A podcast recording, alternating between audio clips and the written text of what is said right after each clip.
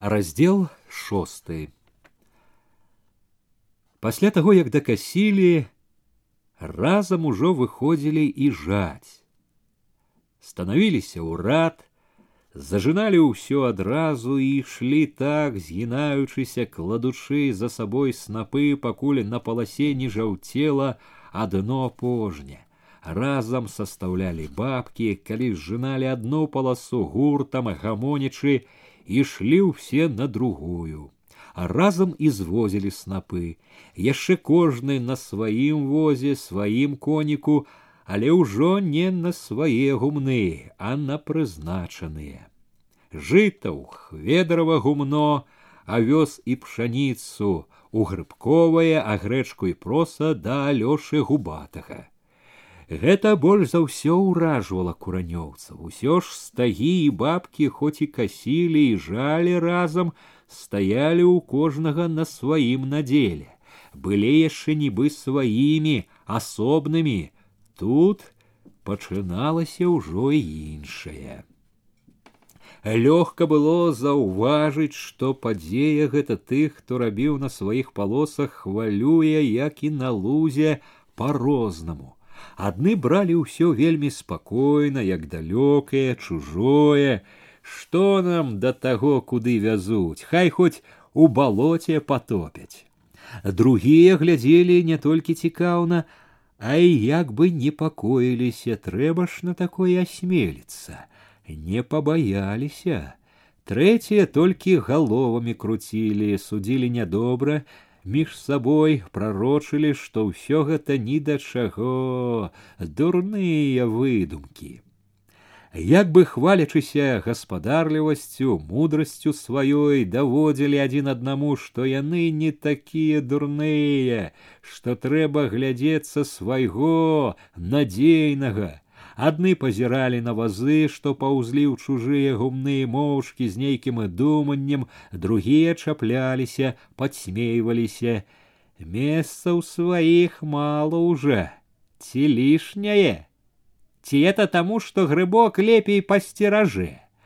Так весялей, мабуть, аддаць сваё, а потом ждать, калі меканор падзеліць, выдзеліць жменю з твайго ж добра а потым пайшло яшчэ калі пажалі звезлі ў гумны ўсё сталі зводзіць разам кароў коней звозіць вазы плугі у той дзень усе хто быў у сяле выбеглі на вуліцу каля кожнай хаты каля кожнага штыкетніка стаялі глядзелі жанкі мужчыны дзеці гуртам найбольш праўда дзеці рушылі ўслед Дядько Іван гарлаў ларывон зайчыку, што тупаў побач з возам, які цягнуў сівы стары конь. Чаго это твой рысак так неахвотно цягнецца, як усё адно ў калгас не хоча. Не хапаецца, падшапіў хадойшчын бацька, на ўвесь голас пакпіў. Несазнательны нібыто. Дай яму под пузо поганому, параіў Ларывон, довольны тым, што слухае столькі народу. Кебех і другім прыклад паказваў.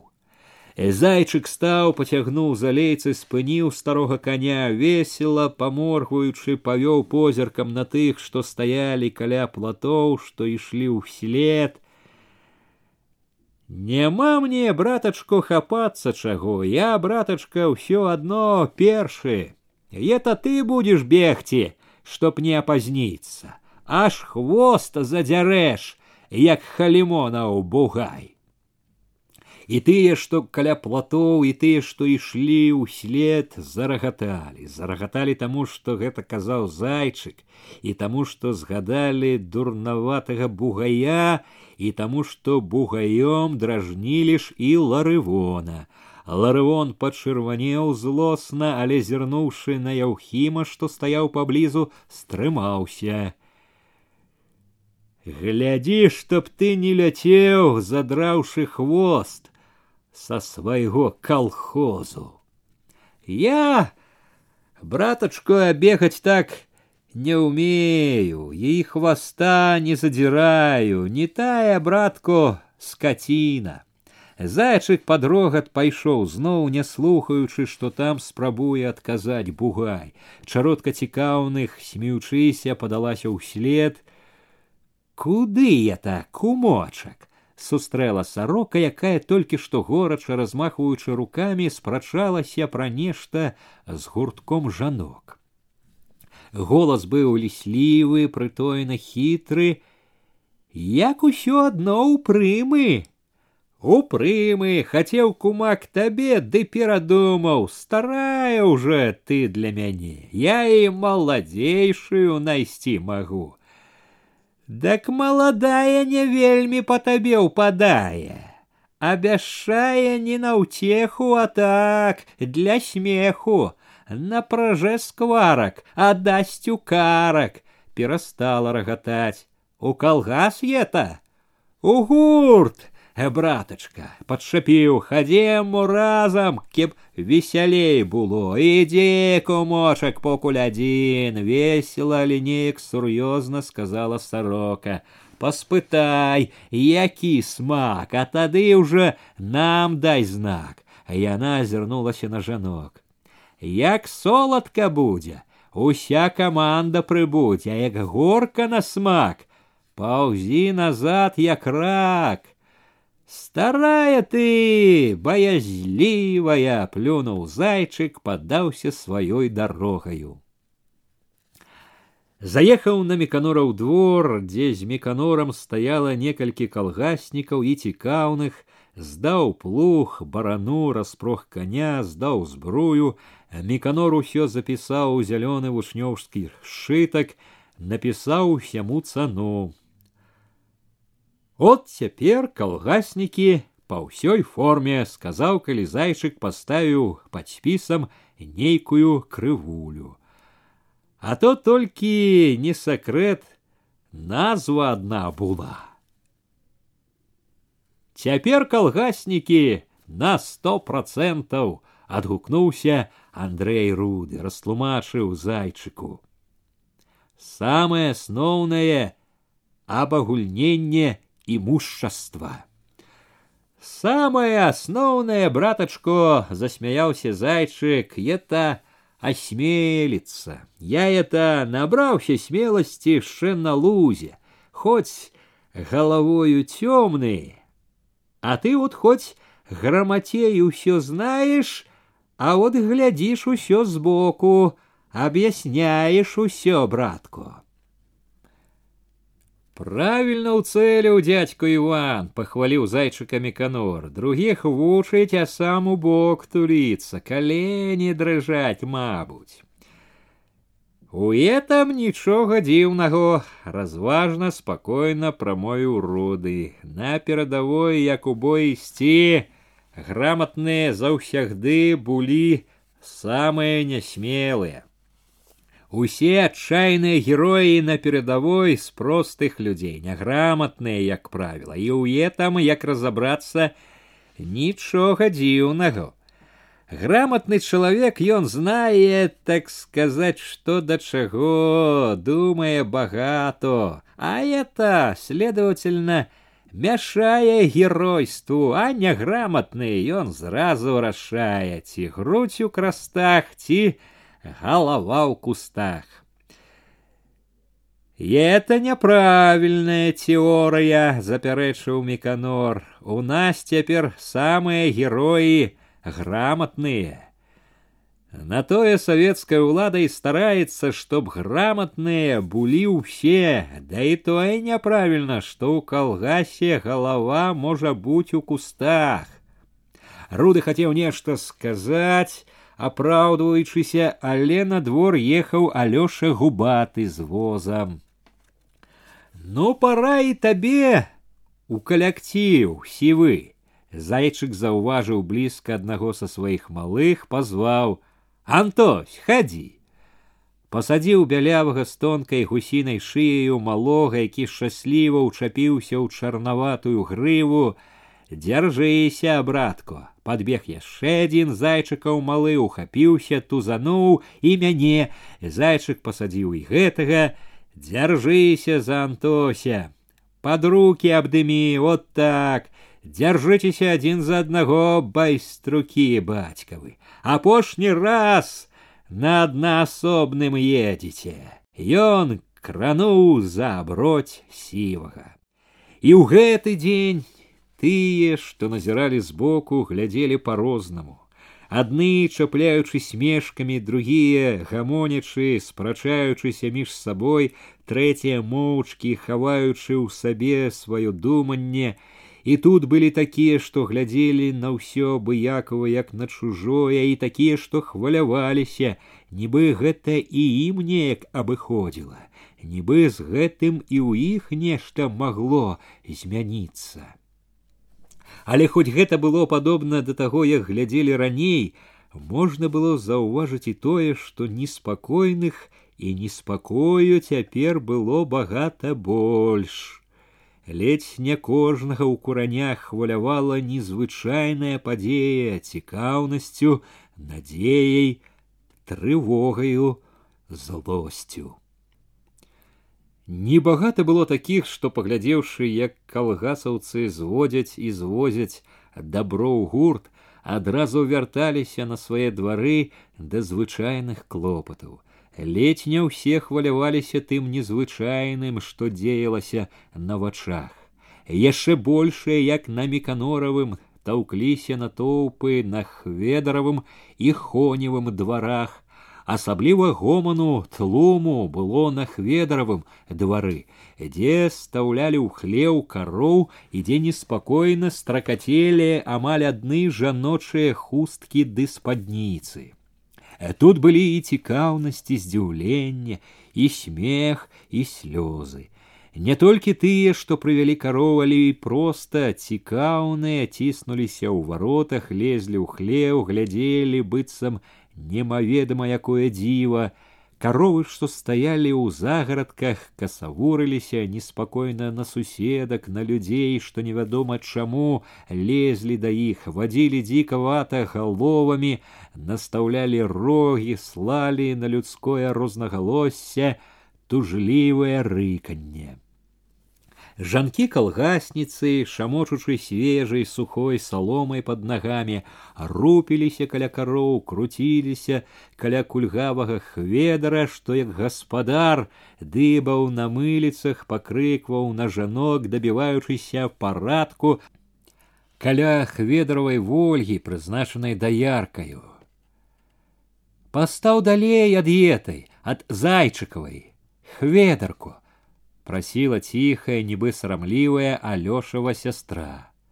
Кручаная это зайчыкова, проткне рогом, побачыш, перастаў хведарку. Не проткне, мирно, але непахісна заяўляў хведар, чаго ёй протыкать? У адным калгасе лічы. Пайшла б ты, арына, лепей было б, ей бо чтоб кормила добра і чтоб ласкаво з ёю раіла зайчыха, за падолу якой трымалася смаркатае малое. Як накорміш ды як ласкава подступіш, дак дасць нешто, не глядзі, што такая, трэба ласкава як доіш. Ласкаво буду, клялась Вольга, прытоена, радостная, поважная, ад нязвыклай яшчэ пасады.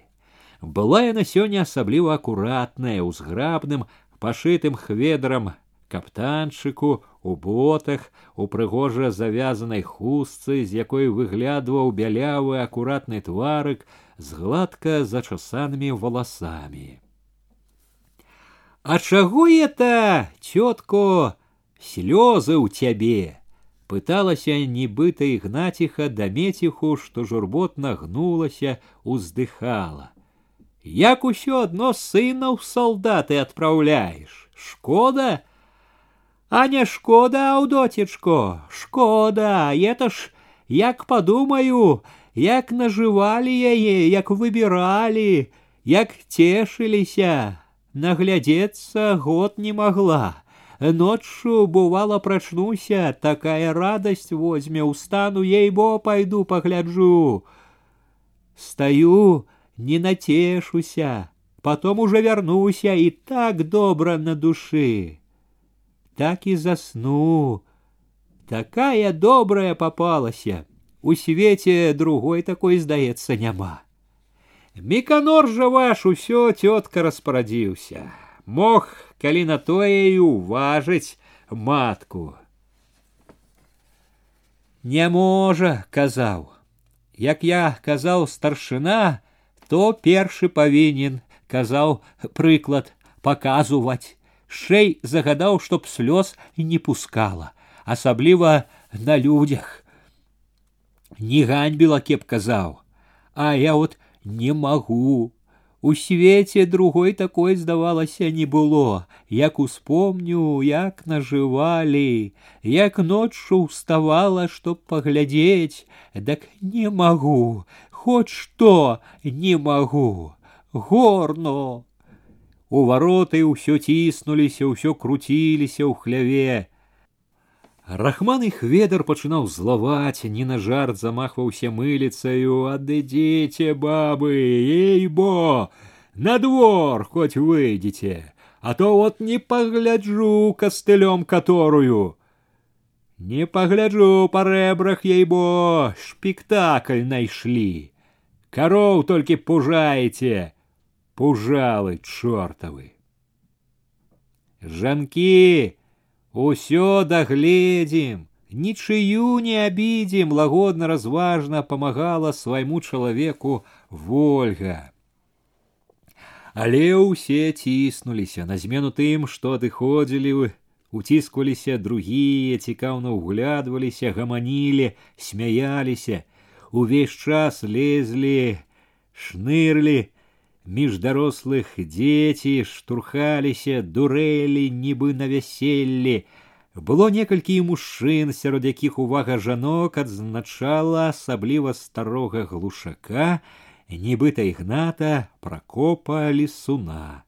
Стары корч глядзеў вельмі ўважліва і з павагай, калі хтосьці, паддобрываючыся да старога, сказаў, што каровы і тыя не хочуць разам жыць, вунь як глядзяць адна на адну, стары спакойна паправіў: прывыкнуць. Скаціну да ўсяго прывучыць можна.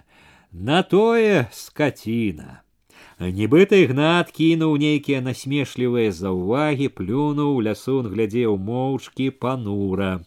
Слова не выцягнуў, так і пасунуўся з двара, нягледзячы ні на каго, не зважаючы на тых, хто цікаўна глядзеў услед. Сярод жанок, што тоўпіліся на двары, найбольш хваляваліся чарнушкава куліна і сарока. Як хто, а я чтоб такое зрабіла калі куліна круціла галавой з чырвоным злым тварам клялася перад усімі ніколі нават под прымусам жизнь будзе прыйдзеш з работы ніякай турботы расстарэквала адважна сорока ні каровы ні свіняці адны сцены ў хаце любата Як это яно будзе, трывожылася Васілёва маня. Добра, як у каго няма нічога. Аге, запярэчыла нявесцы Васілёва матка. Не шкода хіба, багатаму шкода карабля, беднаму кашаля. Корова это не кашель, сказала нібыта Ігнатіха. То-то и яно. Что это правда будет со всей этой выдумки? На хоневым двары былі найбольш мужчыны. Тут таксама тоўпіліся каля варот, зазіралі ў хлеў. Некаторыя і калгасаўцы і проста цікаўныя хадзілі ў хляве каля коней, і на двары і ў варотах шнырылі дзеці, ва ўсім падобныя на тых, што былі на хведаравым двары. Мужчыны рабілі ўсё больш паважна, чым жанкі, і меркавалі і пасмейваліся стрыманна, як і належыць мужчынам мужчынам. Багата хто былі нязвыкла задуменныя, ледзь не ўсе курылі. Хлеў спаліце, чэрці! крычаў Хоня, што распараджаўся ўсім. Выйдзеце адсюль, не сход вам! Коней толькі трывожыце аднаасобніцкія душы. Правильно, Хартон, гони! падтрымаў хоню міканор, што ўвайшоў вясёлай дужай хадою. Як ісці разам, дак не хочуць, а як глядзець, дак сяло цэлае. Дак кеп жа ўткнуць голову куды адгукнуўся міці ляснік, глянуць наўперад трэба. Глядзіце, не сакрэт, вельмі доўга. Дак это ж не абы што. Меканор, як і належыць старшыні, пачаў аглядаць канюшню, праверыў, як пастаўлены коні, якое сена палажылі, Патым як трымаўся ён, што рабіў і як рабіў, усе маглі, усе, у каго вочы павінны былі бачыць, што ў калгасе цвёрды, надзейны гаспадар. Чтоб корм хартон даваў па рэжыму, у положены час і па рацыёну распарадзіўся меканор кеб ніякіх парушэнняў па ўсіх законах навукі як дагаворана Хоня тым тонам, якім і трэба адказваць на распараджэнне, запэўніў, што ўсё будзе рабіць як належыць. У гэты момант не трохі не лічачыся з тым, што побач такі важны чалавек і ідзе такая сур'ёзная гаворка, хонева кабыла грызнула меканоровага коня. І той віскліва заржаў і брыкнуўся. Кабыла зноў драпежна выцягнула морду, конь крутнуўся, кінуў капытамі, Пры высокім начальстве нібы знарок ушалася паганая старая бойка з віскам, з брыканнем, з загіднай злосцю. Хоня рынуўся да коней, а перазаў пугаю мышастую сваю, супакоіў коня. Коні тыя кусаюцца, як узрадаваўся хтосьці з тых, што ціснуліся ў варотах і дзяліць няма чаго. Сена ўсім адзінакаво абрыкаюцца. Характер яшчэ не сакрэт аднаасобніцкі, хацеў адбыцца жартам міканор.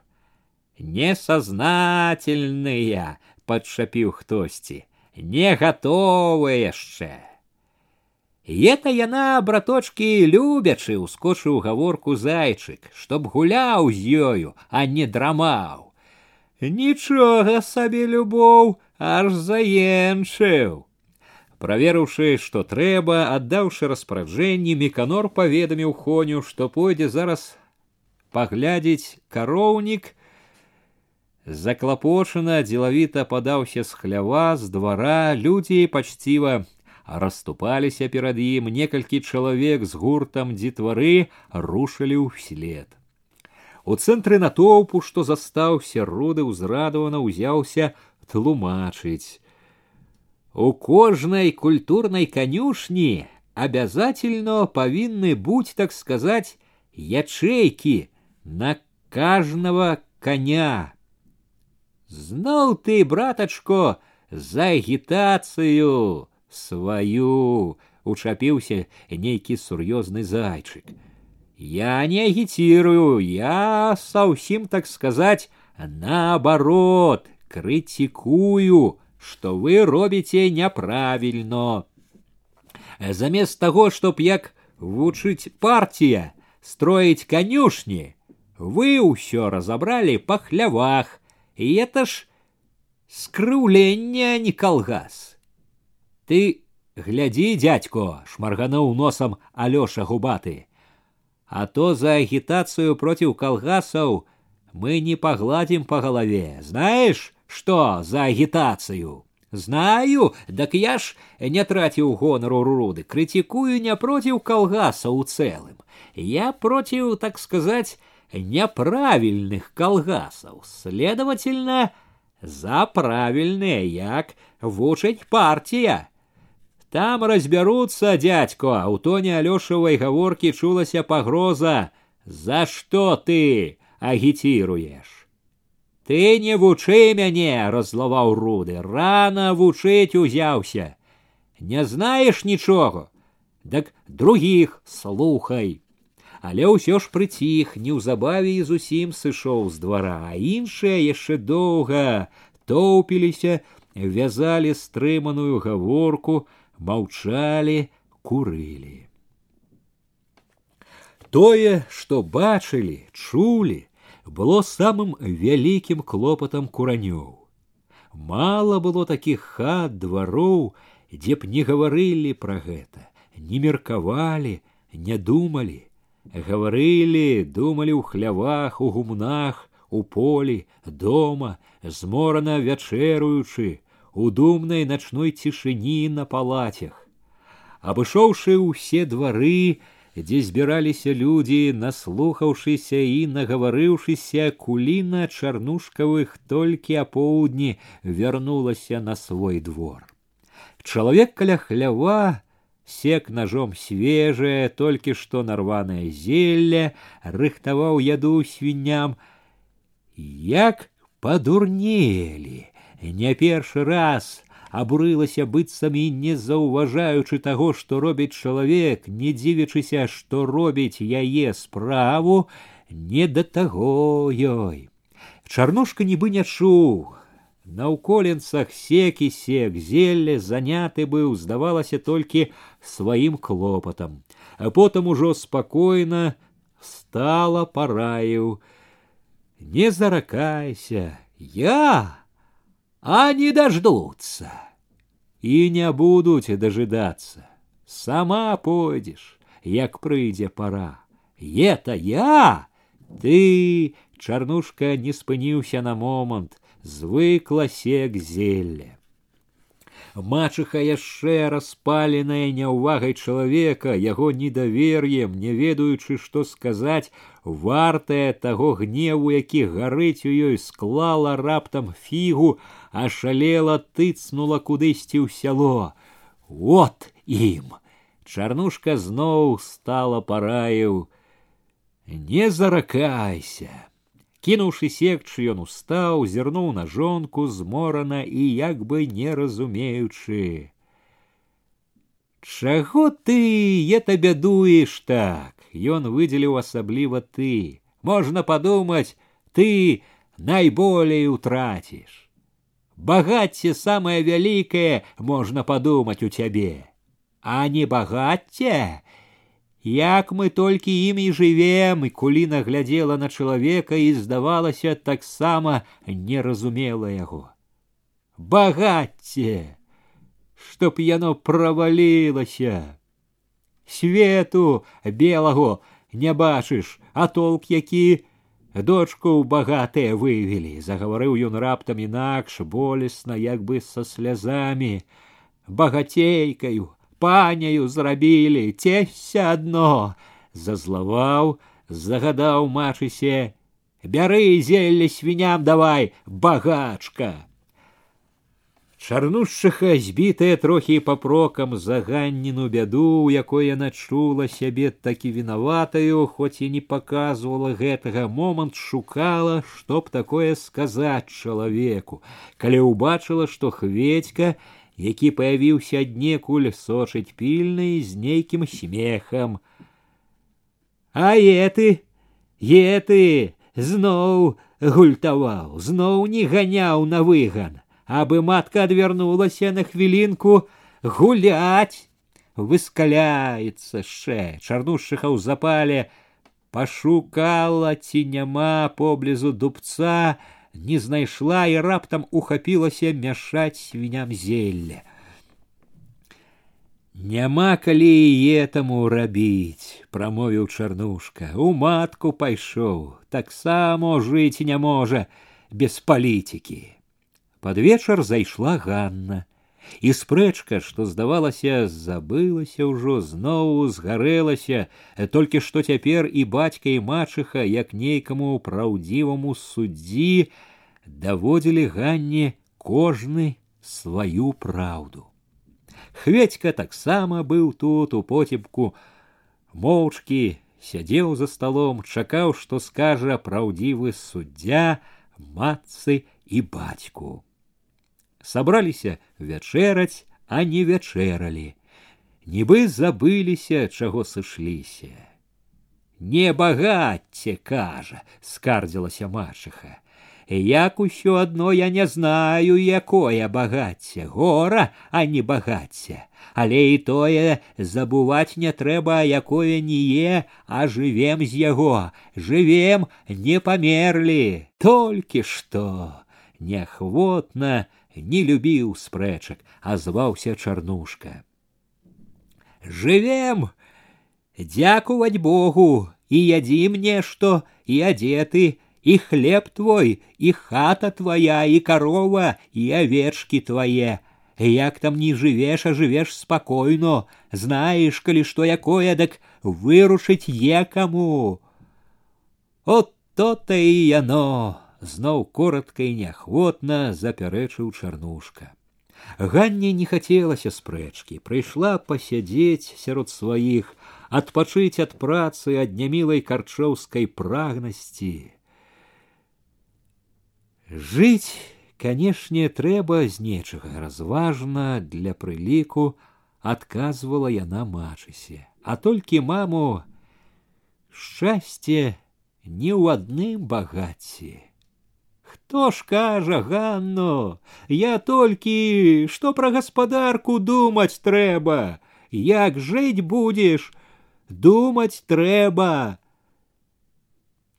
Як я ў чалавека шчасце маму, дак і гаспадарка значыць нешта. А як няма, які толк са ўсяго. Яно, канешне, і без шчасця не соладко, Але як есці не будзе чаго, як зубы на паліцу палажыць прыйдзецца, дак от будзе шчасце. Бы адно голадам марыць там будуць, азваўся чарнушка.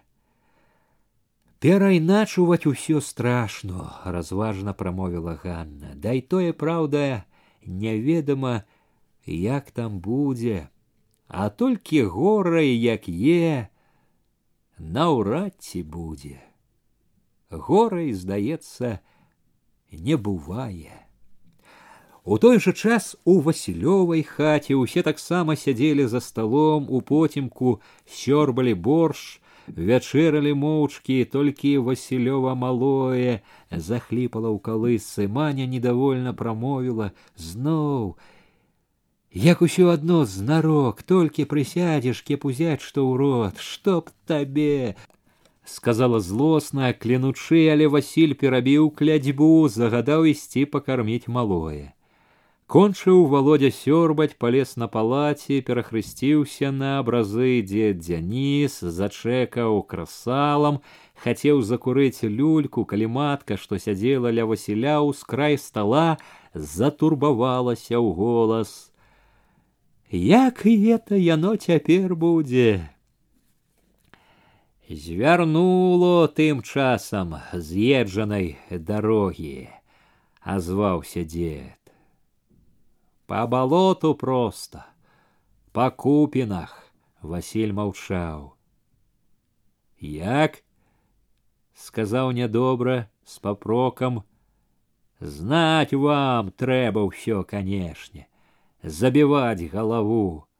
Ды як жа не забіваць яе, нібы прасіла і раіла матка, тут жа сам бачыш. Бачу, Бачу, зазлаваў Васіль. Сваёй сухоты мало. Дак ці ж тое абыдзецца так, Васілько, нібы пыталася і тлумачыла матка. Думаеш, усё это? Тым часам это пачынаецца толькі, падтрымаў яе дзед Дзяніс. Маня ад калыскі раптам уварвалася запалена, няхай лезуць, каму надоело жыць, а мы нам і так непагано. это пачынаецца толькі, падумаў зноў голас дзед. Это так не кончится. То-то ж и думки всякие, Василько. Василь устаў за стола, матка адразу адсунулася, пропустила. Стала збіраць лыжкі павольна, нібы чакала, як пойдзе далей гаворка. Як яно кончыцца, ніхто не знае, сказаў Василь спокойно, разважна стала, як і належала гаспадару галоўнаму чалавеку ў хаце. Нам і без етаго сухоты по горла. Як бы попракаць стаў. Трэба от малаціць жыто, ячмень ды авёс, ды араць, хату дарабляць трэба, чтоб перабрацца скорей, чтоб дерево не погнило да улазін. Помолчал трохи, ля цагельні азімыя пасеет, думаю, Азімая павінна ўрадзіць, сказаў дзед, як пагода не падгуляе, павінно. Хату трэба, чтоб памог дакончыць бацько, сказаў Васіль ужо дамані, чтоб і Пятра ўзяў на падмогу. Паможа, я скажу, паабяцала маня. Тым і скончылася гаворка ў дзятлікавых хаце. Сталі разыходзіцца па палацях, раздзявацца. Адзін дзед, які летам спаў на печы, доўга яшчэ круціўся бяссонна, не мог уцішыць назольны кашаль. Доўга не спалася хадосьцы. Яна, як звычайна, ляжала на палацях з малымі, маленькі антосік, скурчыўшыся, соваў ёй каленямі ў бок, уцінаў галоўку ёй пад паху. Хадоська ласкава падымала яго на руку, але праз момант ён зноў саскоўзваў з рукі, уцінаўся галоўкай пад паху. Усе малыя спалі, толькі зрэдку, з ціхім, мерным дыханнем злучалася глухое мармытанне, дзеці штосьці снілі. Але сны сніліся ім добрыя, не будзілі нікога. Недарма найбольш чулася хадосьцы ціхае, салодкае плямканне. Бацькі ж не спалі. Хоць спачатку не гаварылі, хадоська здагадвалася, што не спяць, думаюць пра штосьці. Гаспадары, прахрыпеў нядобра з пагардай бацька. Сышліся, галота. Ты, багацей, ціха папракнула матка. Не роўня ім нібыто. Ціхо ты, шапнула беражліва матка, зноў папракнула, нос задзіраеш, глядзі, кеб не опустили. Кто это опустить? няма кому, от упаяють твердое. Не упаяють, упэўнена сказаў бацька. Серадняк нібыта. Сягодня серадняк, а заўтра захочуць прылепяць цвёрдае, не прылепяць, няма за што. Е за што. Язык распускаеш вельмі, смелы вельмі, смелы что думаю, то и рэжу. Я и кажу, ды не грымі, разбудзіш. Бацька голас яшчэ падужэў і буду рэзаць, што думаю. Маўчаць нястерпно. Тихо кажу, зноў шапнула просячы матка, сказала з папрокам: « Пра дзяцей трэба думаць. Ты адна думаеш, нібыто. І ты думай, не адны. Бацька плюнуў і чуваць было важка павярнуўся, не спаў таксама доўга, але ўжо не загаворваў з маткаю, думаў штосьці сам сабе. Хадоська думала мала, неахвотна, чула сябе дзіўна адзінокай, пакінутай. Дзень гэты нібы адабраў яе надзею, яшчэ учора яна спадзявалася, што Коня ўсё ж адумаецца, вернецца да яе. чула, што мае хоць якую сілу і ўладу над ім, а сёння пабачыла, што ні ўлады, ні сілы ніякай няма. Няма таго радаснага, цёплага, чым жыла ўжо даўно, з чым песціла самыя дарагія надзеі. Хоня не паслухаўся, пайшоў далей, зусім разышоўся. Казала ж яму, пра калгас каб і не думаў, у калгас казала ж, яна не пойдзе хоць што, калі не выпішацца, каб і не думаў пра яе. Дык от завёў усё сваё, аддаў, зусім ступіў за мяжу, якую яна не пяройдзе ніколі, за мяжу, якая іх раздзяліла, навек раздзяліла.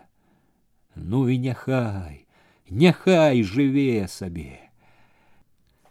Не, канешне, это проживу одна, доля такая уже, жить одной. Е чаго бедаваць. Бедаваць, здавалася, не было чаго, а маркота дзіўна не адыходзіла і чула сябе хадоська ўсё адзінокай, пакінутай, і ніяк не могла даўмець, што будзе далей. У старога глушака под цьмянай з прыкручаным кнотам лямпаю сядзелі яўхім і маўклівы пануры пракоп. Пракоп моцнымі локцямі ўпіраўся ў стол, вялізнымі чорнымі далонямі трымаў важкую зарослую да вачэй галаву Яўхім, трохі горбячыся на ўслоне па-дамашняму ўвесь узрэбным у лапцях, прыжмурваючы вока, дыміў папяросаю. Дядьку, не думайце багато, казаў, пасміхваючыся Яўхім. Вам ей бо няма чаго голову ламаць. Вам, дядьку, самы момент у калгас. Пракоп варухнуў брывом, коса і люта зірнуў на яго. Ён апошнімі днямі быў заўсёдным госцем у глушаковай хаце. Бавіў тут дымныя вечары, слухаючы развагі і парады старога. Стары быў рады яму, калі сядзелі ўдваіх гаворка ішла заўсёды ў добрым ладзе. Трывожыў гэтыя вечары толькі яўхім, што іншы час не прападаў недзе, а ўвальваўся ў бацькаву хату. А Яўхім век падкусваў лісуна. Ейбо, дядько, самы момант у калгас. Глушак на другім услоне абстругваў, забіваў калкі ў граблі, глянуў на сына недовольна. Не трывож чалавека, вялеў Яўхіму суха, цвёрда. Час такі тату, лагодна, нібы паслухмяна запярэчыў Яўхім. Думаць трэба, хочаш не хочаш, а трэба трывожыцца, думаць трэба. Балота под нагамі зараз прорвецца, чтоб не было позна. Ён зноў зжмурыўся на лесуна, ей бо адзін выхад дядько, калгас. Прокоп важка выкаціў матюк. Это не трэбу, дядько, это делу не поможа. И вам, чтоб шкоды не нарабіло. Да і ні на што ўсё. Вам, як трудовому чалавеку, калгас адзіная дарога ісці трэба, подскокваючы ад радасці, маліць, чтоб скарэй забралі ўсё, ісці дай другіх яшчэ весці з сабою, прыклад другім показывать, э, которые несознательные, э, которые добра свайго для савецкай уласці шкадуюць. Это ж е такие гады, которые коней, коров, овечек своих для советской власти шкадуют. Яухим зноў загадаў глушак. Ейбо, тато, є такі яшчэ гады. Трэба ж дядькаў карміць начальнікаў, которые ў гарадах. Дзяцей іх, жонак, палюбоўніцы іх, да і не абы чым, не рассолам якім, а мясам, мукою, булками, коклетами. Сознательным трэба будь, дядько. Бегте скорей, подскакуючи, да и других ще тягнучи. А вы, эх вы, дядько, на что только голова у вас на плячах, думаете ще. Скорей у калгас бяжыце, ей-бо, не бойтеся, что Миканор не даст рады, ён спрытны, скоро знайдзе збыт усяму. Вам голову ломать не прыйдзецца. Не бойтеся, бяжыце. Што ж это праўда будзе, адгукнулася ад палацяў старая, якая то драмала, то абуджалася. Будзе, што хоча савецкая ўласць, што хоча, то і будзе, Яўхім дакурыў, плюнуў на акурак, растаптаў лапцем на подлозе. Советская власть, власть твердая, что намерыцца, то і зробіць. Адолеў сур'ёзнасць, зноў загаварыў з насмешачкай. Я калі б не цвёрдае заданне, з радасцю пукал газ. А то ж не прымуць. Элемент класавы, не паглядзяць, што і жонка з трудяшчага элемента. Устаў, сабраўся ісці, задумаўся чагосьці, неспадзявана сур'ёзна сказаў: « Так і праўда, пайшоў бы.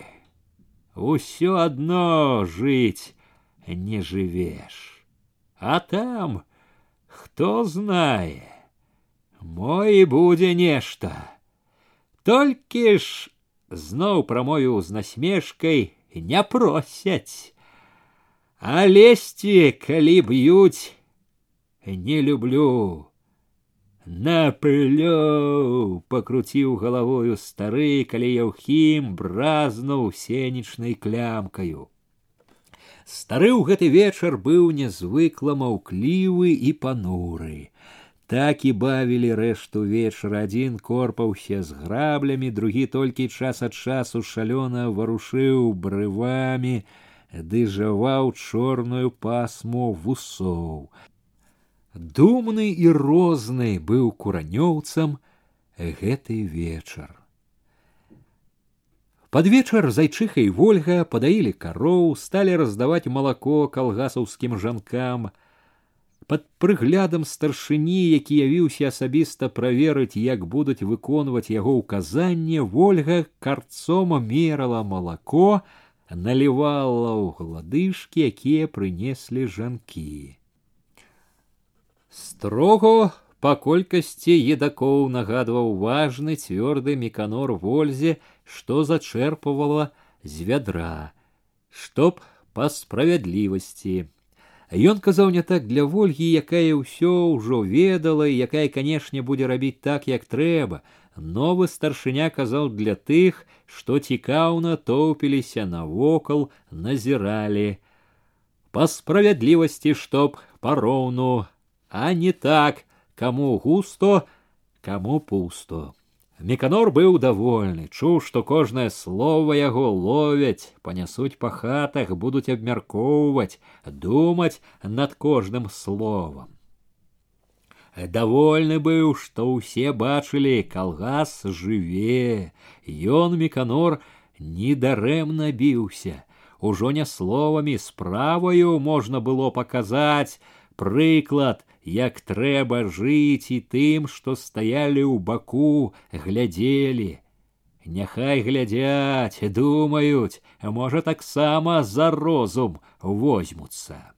Блізка была матка, перахапіў нейкі маркотны чакальны позірк яе, але не падаў знаку, што заўважыў не месца для сямейных спраў, не сын тут, а старшыня, сам, можна сказаць, бацька.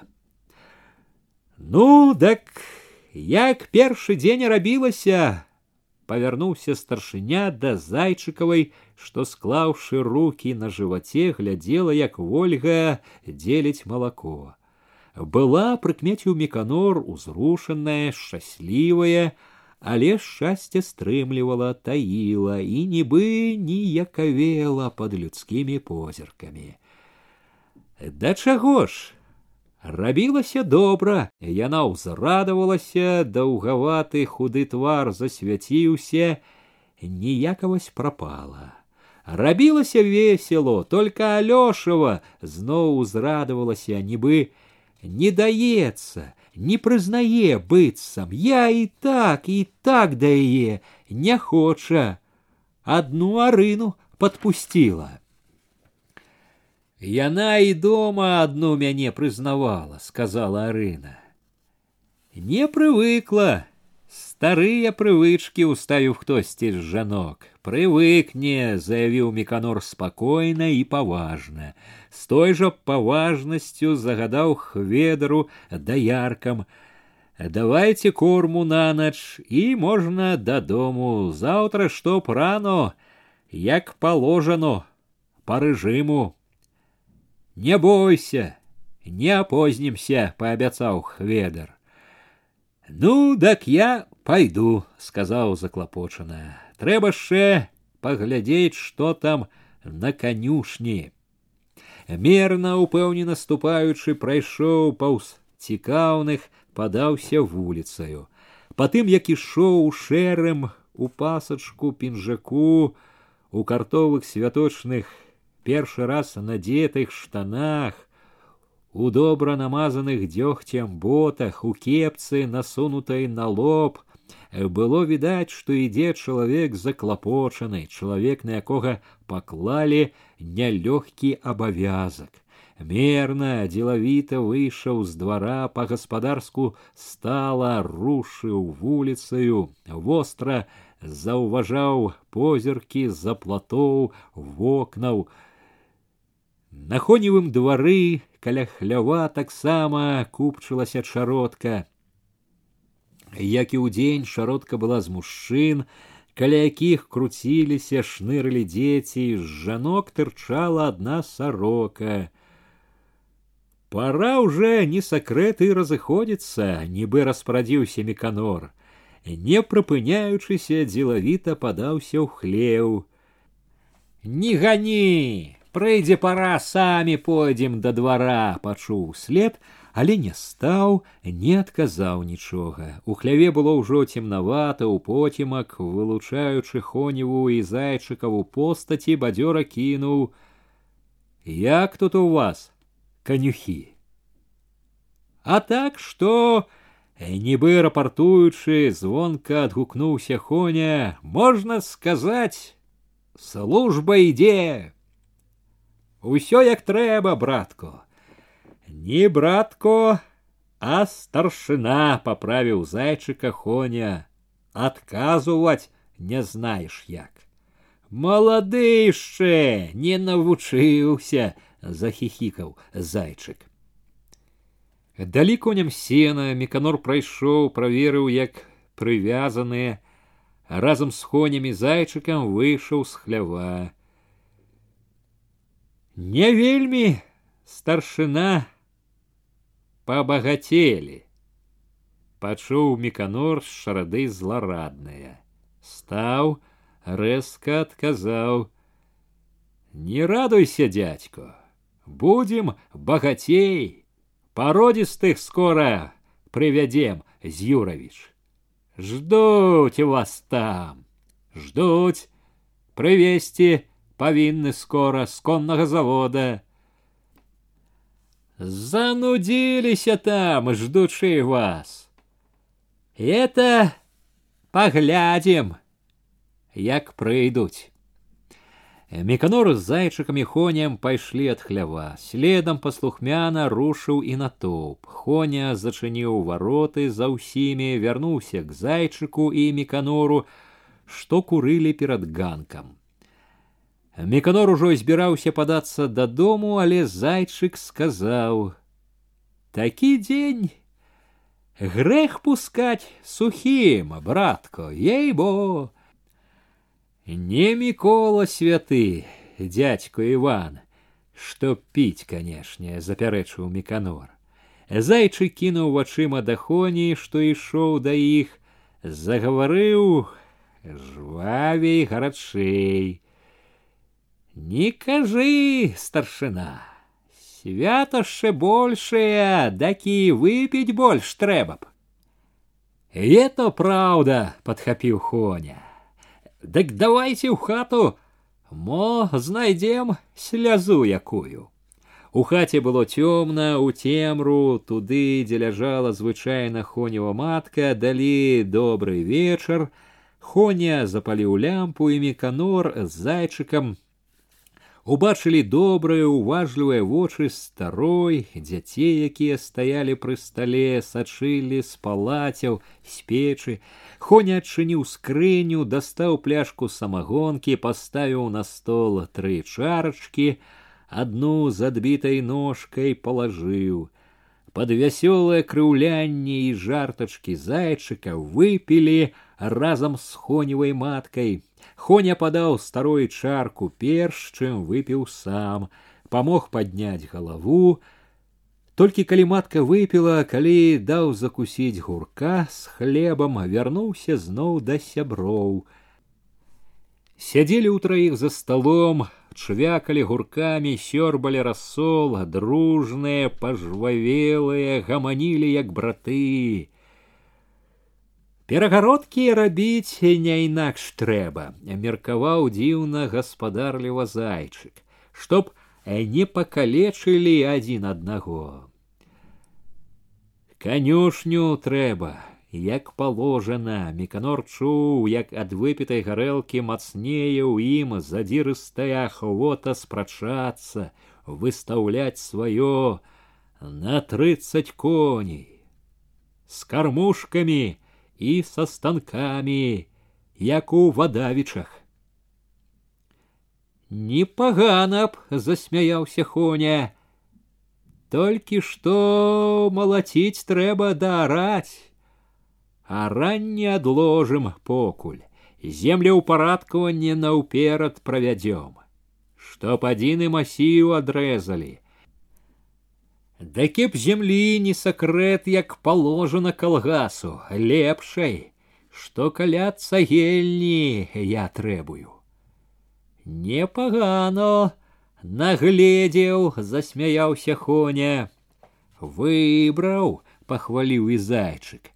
Калі б адрэзалі ето ані гадкі булі б ей-бо, адрэжуць, я трэбую пад калгас, по закону положено лепшую павінны. Лепяцца там уже на лепшай.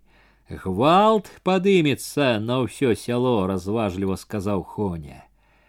Як муравейнік забегаюць, калі кім разварушыш.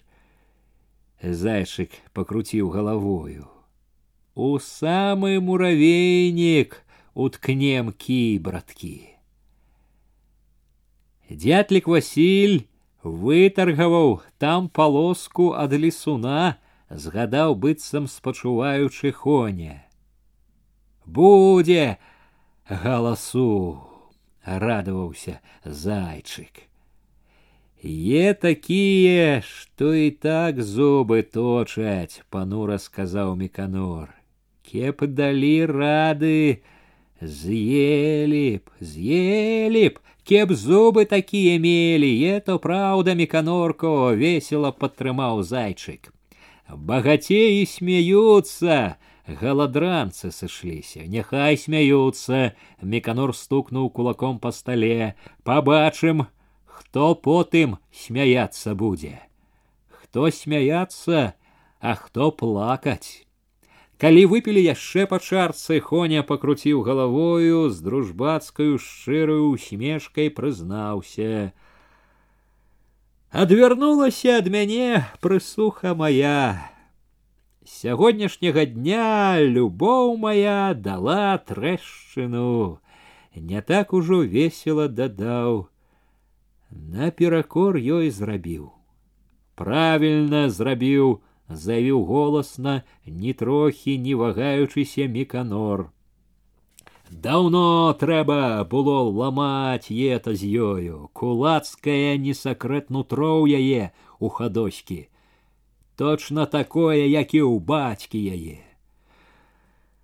Пра бацьку не скажу нічога, а на яе ты дарэмно, ціха, але ўпэўнена сказаў Хоня. Не дарэмна, Нібыта ігнат стопроцентны кулак по нутру, і яна недалёка ад яго. Ты правільна это, што паламаў. Канчаць трэба зразу. Хоня помаўчаў трохі, не тоечыся прызнаўся, не магу. От сягоння як успомню, кошки душу шкрабуць. Сам сабе не рады.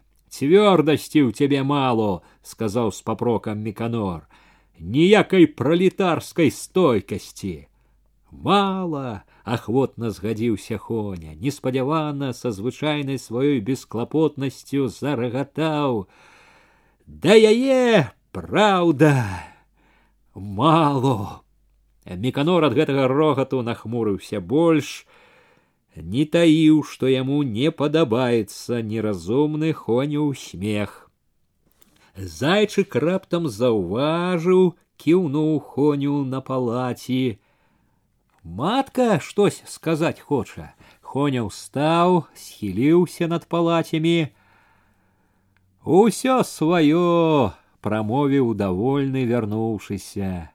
Хорошая, кажа хадоська, чтоб жаніўся засмяяўся. От, а ты гаворыш, са смехам нібы за чаем рашыў: Жанюся, як ета. У меканоровым голасе былі здзіўленне і абурэнне. Не знаю сам, перавёў усё на жарт хоня, а жанюся, Праўда. Зайчык ускочыў гаворку, смешачкамі адвёў яе з небяспечнага кірунку. Рэшта вечара ішла зноў у добрым ладзе ў агульным клопаце, гаманілі зноў як браты і разышліся прыхільныя, таварыскія, не нагаварыўшыся, здавалася удосталь. Калі міканор вярнуўся да хаты, матка і бацька яшчэ не спалі. Бацька, што сядзеў разуты ў споднім на палацях, зірнуў насустрач з радасцю і гонарам, Дзе это заседзіўся старшына. У тым, што ён назваў не міканор, а старшына, у тым, як сказаў гэта, чуўся таксама гонар сынам. А матка адразу дастала з печы чыгун, насыпала ў місу картоплі, паставіла сковородку з салам. Звычайна ў вячэру падавалі гуркі ці капусту, і міканор гэта адзначыў таксама як знак павагі да сённяшняй яго працы. Можа быць, што зрабіць гэта параіў матцы бацька. Тато, пойдзеце заўтра на канюшню, сказаў бацьку. Кармушкі рабіць і перагародкі. Бацька кіўнуў добра, паслухмяна і з радасцю. Міканор еў ахвотна са смакам і прычынаю гэтаму былі не толькі гарэлка ды бедная хонева закуска, а і вясёласць, што зноў поўніла ўсяго. За гэтай вясёласці не бачыў, якім маркотным позіркам глядзела матка, што сядзела па другі бок стола, цярпліва склаўшы на грудях руки. Як это будзе, міканорко, не вытрывала, запытала нясмела: « Што як? глянуў, нібы здалёк меканор. Голо, пусто у хляве, як вымерла ўсё. сумота. Меканор выцер сковородку кавалачкам хлеба, даеў, спакойна дасведчана параіў. Забывать трэба маму на старое. Устаўшы за стола, дадаў: А калі ўжо ў хлеў, канешне, глядзець, то ідзіце глядзець у калгасны. Там не пусто. У цемры на палацях яму зноў згадаліся насмешлівае пабагацелі, спрэчка з хонем пра хадоську, але яны хутка адступілі перад шырокай клопатнай радасцю, ад якой у сярэдзіне было цёпла і хораша. Нават пра бяду сваю, што прыхаваная ад людскіх вачэй ныла, шчымела неадольна ў сэрцы, пра недасяжную прысуху сваю глінішанскую настаўніцу думаў без заўсёднага шкадавання аб няскладнасці жыцця. Думкі, якія весяліла неўтаймоўнае адчуванне вялікай перамены жвава беглі наперад. Веялку скарэй прывесці б, которую абяцалі, а яшчэ б малатарню дабіцца б, да и трактор паспробовать бы добиться. Хоть на день, кеп показал, что такое колгас. Дадуть не дадуть, а паспробовать трэба. А галоўнае не сакрэт, чтоб упарадкаваць зямлю скорей, Чтоб каморніка прыслалі, не зацягваючы доўга, чтоб зараннем не апазніцца. Упарадкаванне зямлі галоўнае. Самую добрую землю, тую, што каля цагельні, канешне, ніякую другую. Будзе зямля добрая, будзе ўсё. Няхай пасмяюцца тады ўсялякія карчы ды ігнацікі. Паглядзім, як смяяцца будуць. І кароў пародзістых дабіцца трэба і будавацца, канешне. Кароўнік, канюшню, свіран, як положано. Але наўперад, канешне, зямлёй упарадкавацца. І, канешне, тую, што каля цагельні, зямля галоўнае. І наступнымі днямі нямала сыходзілася цікаўных на хведаравым і хоневым дварах але больш пільна збіраліся тыя, чые стаялі ў хлявах каровы ды коні. Асаблівай настойлівасцю было прыкметна вылучаліся жанкі. Жанкі, праўда, быццам памагалі карміць, даіць, але старанне гэтае больш давала адзін вынік. Кожная, як магла, замінала хведру даяркам. Хведар нярэдка лаяў жанок адганяў, але непаслухмяныя яны лезлі і лезлі ў хлеў. Патроху прывыкалі к іншым рукам каровы і не касавурыліся і малака больш давалі, не таілі, а жанкі ўсё не хацелі адвыкаць ад сваіх рагуль. Управіўшыся з каровамі ды коньмі даяркі і канюхі ішлі ў гумны. Зайчыкі хоня, браліся за цапы з прымаўкамі са смешкамі выпярэджваючы адзін аднаго білі па снапах цапы ў калгасных гумнах як і ў іншых цупалі з рання да позняга вечара малацілі меканораў бацька алёша хведрава ольга сам меканор намалочанае збожжа звозілі ў хведараў свіран Кульгавы хведар зважваў усё, запісваў у кніжку, стукаючы па падлозе драўлянай нагой, памагаў сыпаць у засекі. Хведар не толькі памагаў жанкам у хляве, але і быў упраўным кладаўшчыком. Ён і замыкаў свіран, сачыў за ім, быў, можна сказаць, яго вартаўніком. Неяк ранкам, прыкладна так з месяц пасля таго, як звялі дабро разам, запрох меканор коней з бацькам пакаціў у юравічы. Калі паявіліся зноў усе, хто трапіўся на дарозе на загуменні, дзівіліся, На колесах, поблискуючы фарбай, круглячыся коламі, стаяла машина. Нібы аддаючы пашану ёй міканоры бацька пачціва ішлі побач яе. Бацька асцярожна кіраваў коньмі, а міканор падтрымліваў машину, каб не ўпала. Калі знялі веялку, паставілі на прыгуменні, Меканор сам паказаў зайчысе і алёшавай сястры, як трэба абыходзіцца з ёю. Паказваў з радасцю і годнасцю. Ледзь не паўку ранёў глядзела на яго і на яго радасць веялку. З таго дня каля веялкі ледзь не ўвесь час быў хто-небудзь з цікаўных, хоць бы з дзяцей. Багата каму хацелася ўзяць за ручку, пакруціць колы, Міканоры сам нярэдка падыходзіў да яе, памагаў жанкам веяць. Каля веялкі міканор асабліва шкадаваў, што не ўдалося дабіцца пакуль малатарні.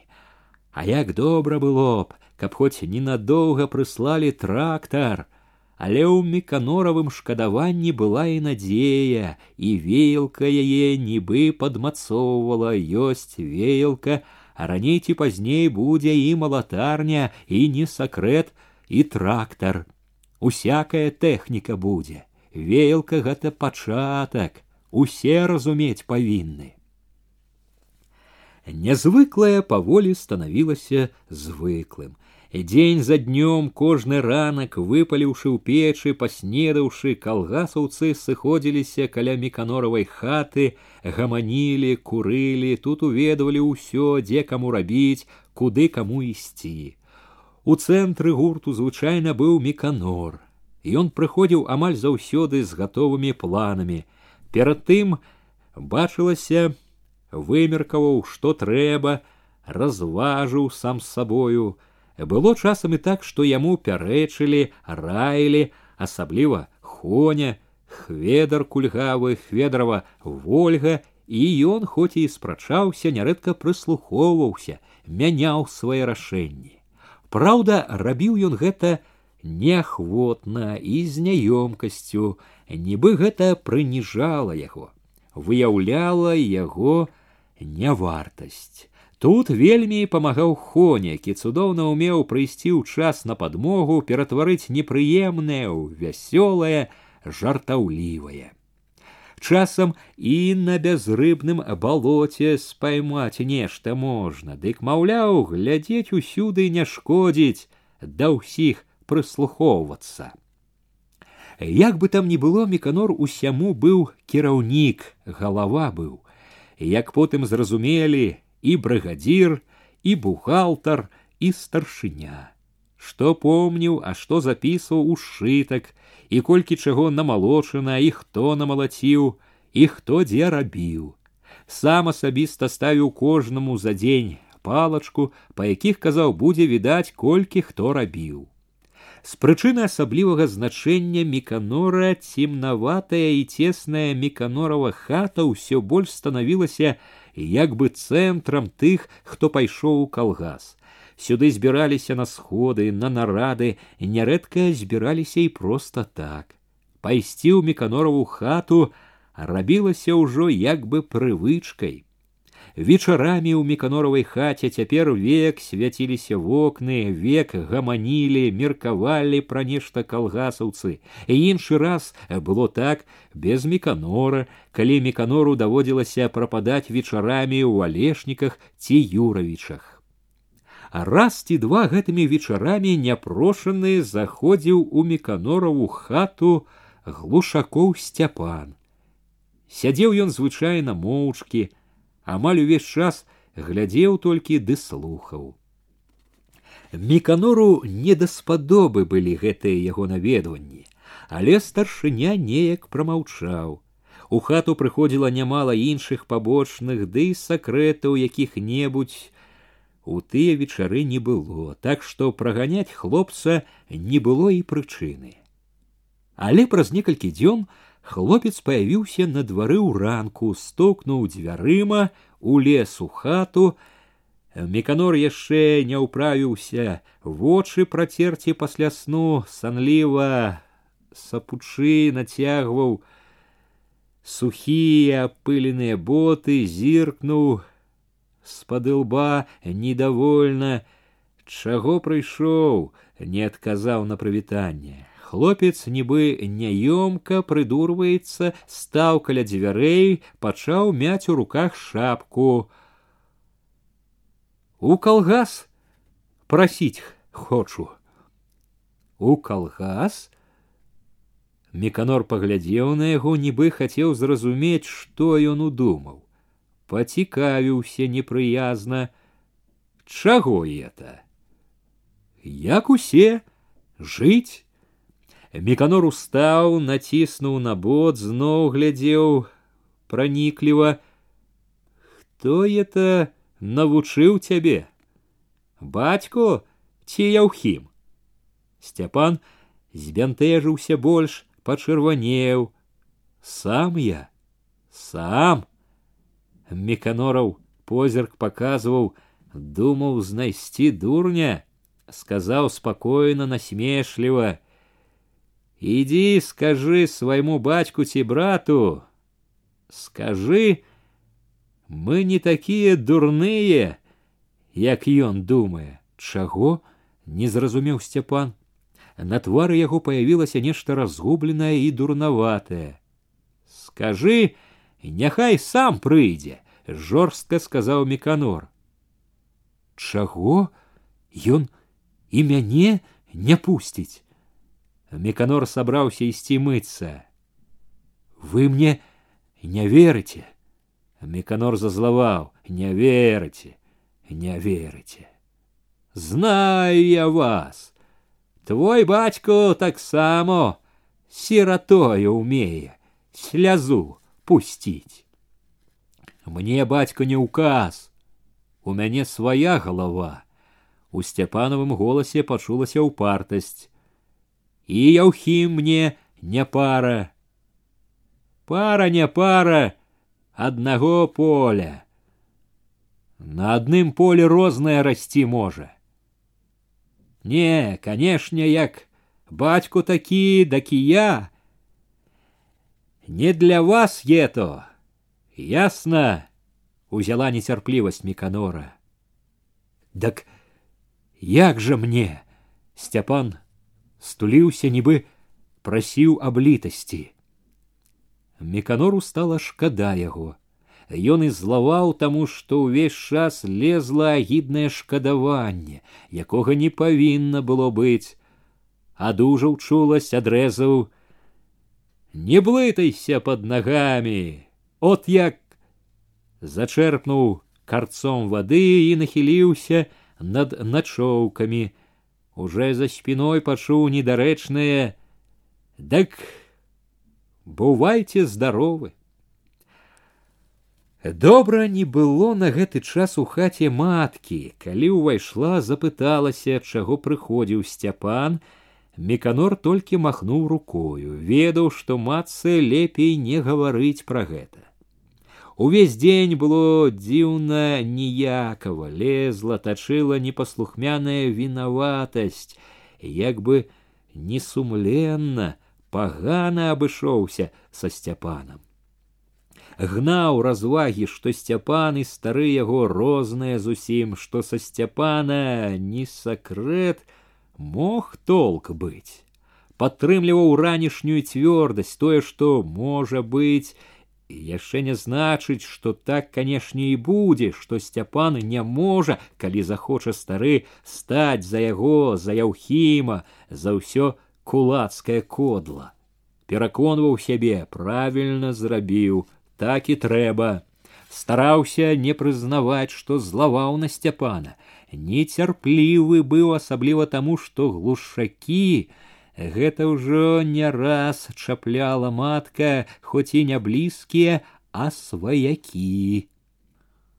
Ён і матцы казаў і сам думаў, што лічыць такіх сваякамі можна толькі на здзек яму, але як там не кажы сваяцтва ўсё ж нейкае было, і што не думай, нейкі цені на яго кідала і ад гэтага ў яго была асаблівая злосць на глушакоў як бы яны хацелі падкапацца да яго таким способам, этому лічыў, што з імі трэба быць асабліва цвёрдым, безлітасным. Таму не хацеў, каб прагаворку яго са сцяпанам ведала матка. Нярэдка бавіў вечары ў меканоравай хаце Андрэй руды, ссаў, свае далікатныя папяросы люлечкі пускаў ноздрамі далікатныя струменьчыкі дыму слухаў іншых улазіў са сваімі меркаваннямі парадамі Тым, як ён слухаў іншых, прыжмурыўшы вочы з паблажліваю смешачкай, як гаварыў павучальна тонам старэйшага мудрага, ён як бы паказваў, што ведае ў гэтым даволі, вельмі можа быць больш за іншых. Ён так трымаўся, нібы быў тут не госцем, якога ніхто не прасіў, а ледь не галоўнай асобай, ва ўсякім разе другой пасля меканора. Меканор, якога руды не раз дапаўняў, а аднойчы ўзяўся нават папраўляць ускіпеў: Дядько, чаго вы лезеце ўсюды? Куды вас не просяць? Без вас разбяромся. Прыйшлі, дак сядзіце ціхо, ясно. Ты чаго кідаешся, не хацеў траціць годнасці Андрэй. Ежели совет даюць, так сказаць, дзякуваць трэба, што памагаюць разумным словам, а не гырчаць. Я не гырчу, я папярэджую, чтоб не разводзілі тут сваю агітацыю і чтоб не падрывалі аўтарытэт, ясно, я толькі хацеў памагчы, чтоб аўтарытэт быў следовательно большы. Руды ўстаў, не хаваючы, а нават знарок паказваючы, што яго неразумна, няўдзячна абразілі, за яго ж добрае, з годнасцю заявіў: Я думаў уже так сказать далучыцца, сабраўся уже напісаць прашэнне але як ты так кидаешься, то, следовательно, подожду. И он поважно пайшоў да дзвярэй, стукнуў дзвярыма. На другі дзень ён падсцярог меканора каля хведаровага свірна паздароваўся з той великодушнасцю, якая показывала, што як невінаваты меканор перад ім, ён гатоў забыць крыўду. Я напишу прошение, сказал, як бы хотел супокоить Миканора. Только чтоб мне, следовательно, интеллигентную работу, чтоб бухгалтером, например, ти кладовщиком. Зразу вы, дядька, выгоду шукаете, попрокнул Миканор. И это выгода, найперш, так сказать, для колгаса, поправил Миканора Руды потом уже для мяне дадаў вучачы трэба цаніць грамату і скарыстоўваць граматнага як кадравага спецыяліста. Меканор мірна сказаў, каб падаваў заяву. Паабяцаў падумаць аб просьбе. Усе ў куранях заўважылі, калгасаўцы вельмі трымаліся адзін аднаго. Нядаўна здавалася б чужыя Цяпер разам былі ў гумнах на працы разам вечарамі. Як сваякі дзівіліся людзі. Калгасаўцы нібы устанаўлівалі сваё сваяцтва, асобнае ад таго даўняга ад веку, ад Бога, якое заўсёды і ўсюды шанавалі людзі. І яшчэ заўважылі ў куранях калгасаўскія як бы ганарыліся сабой, сваёй адвагай і розумам глядзелі на іншых быццам на чорную чараду што нічога не бачыць і не разумее не тое што ад міканора такое можна было чуць і ад хведра і ад зайчыка зайчык той знарок пацяшаўся чапляў абы паспрачацца абы пасмяяцца з куранёўскай слепаты ды скнарлівасці У тых, што не ішлі ў калгас, была свая цвёрдасць, і значыцца свае меркаванні і свае адказы, у якіх было таксама багата насмешкі. І так што зайчыку давалі бой, і бой гэты зайчыку няпроста было выйграць. можна сказаць, што бой гэты ніколі не канчаўся чыёй-небудзь перамогай.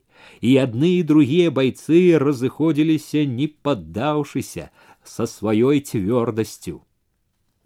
Яму гэтаму бою, можна сказаць, не было канца. Меканорова хата была ў гэтым змаганні як нейкая ўправа, ад якой багата залежыць, чым скончыцца цяперашняя, найважнейшая ў гісторыі куранёў спрэчка. Усе ў куранях з хваляваннем глядзелі на вокны, што чырвоніліся адным трывогаю, пагрозаю, другім надзею, добрай зычлівасцю. Усе выведвалі, што там робіцца ў гэтай неспакойнай хаце, што там чакаюць, што рыхтуюць. У меканорову хату найперш прыходзілі важныя для калгаса, значыць так ці інакш і для ўсіх куранёў навіны.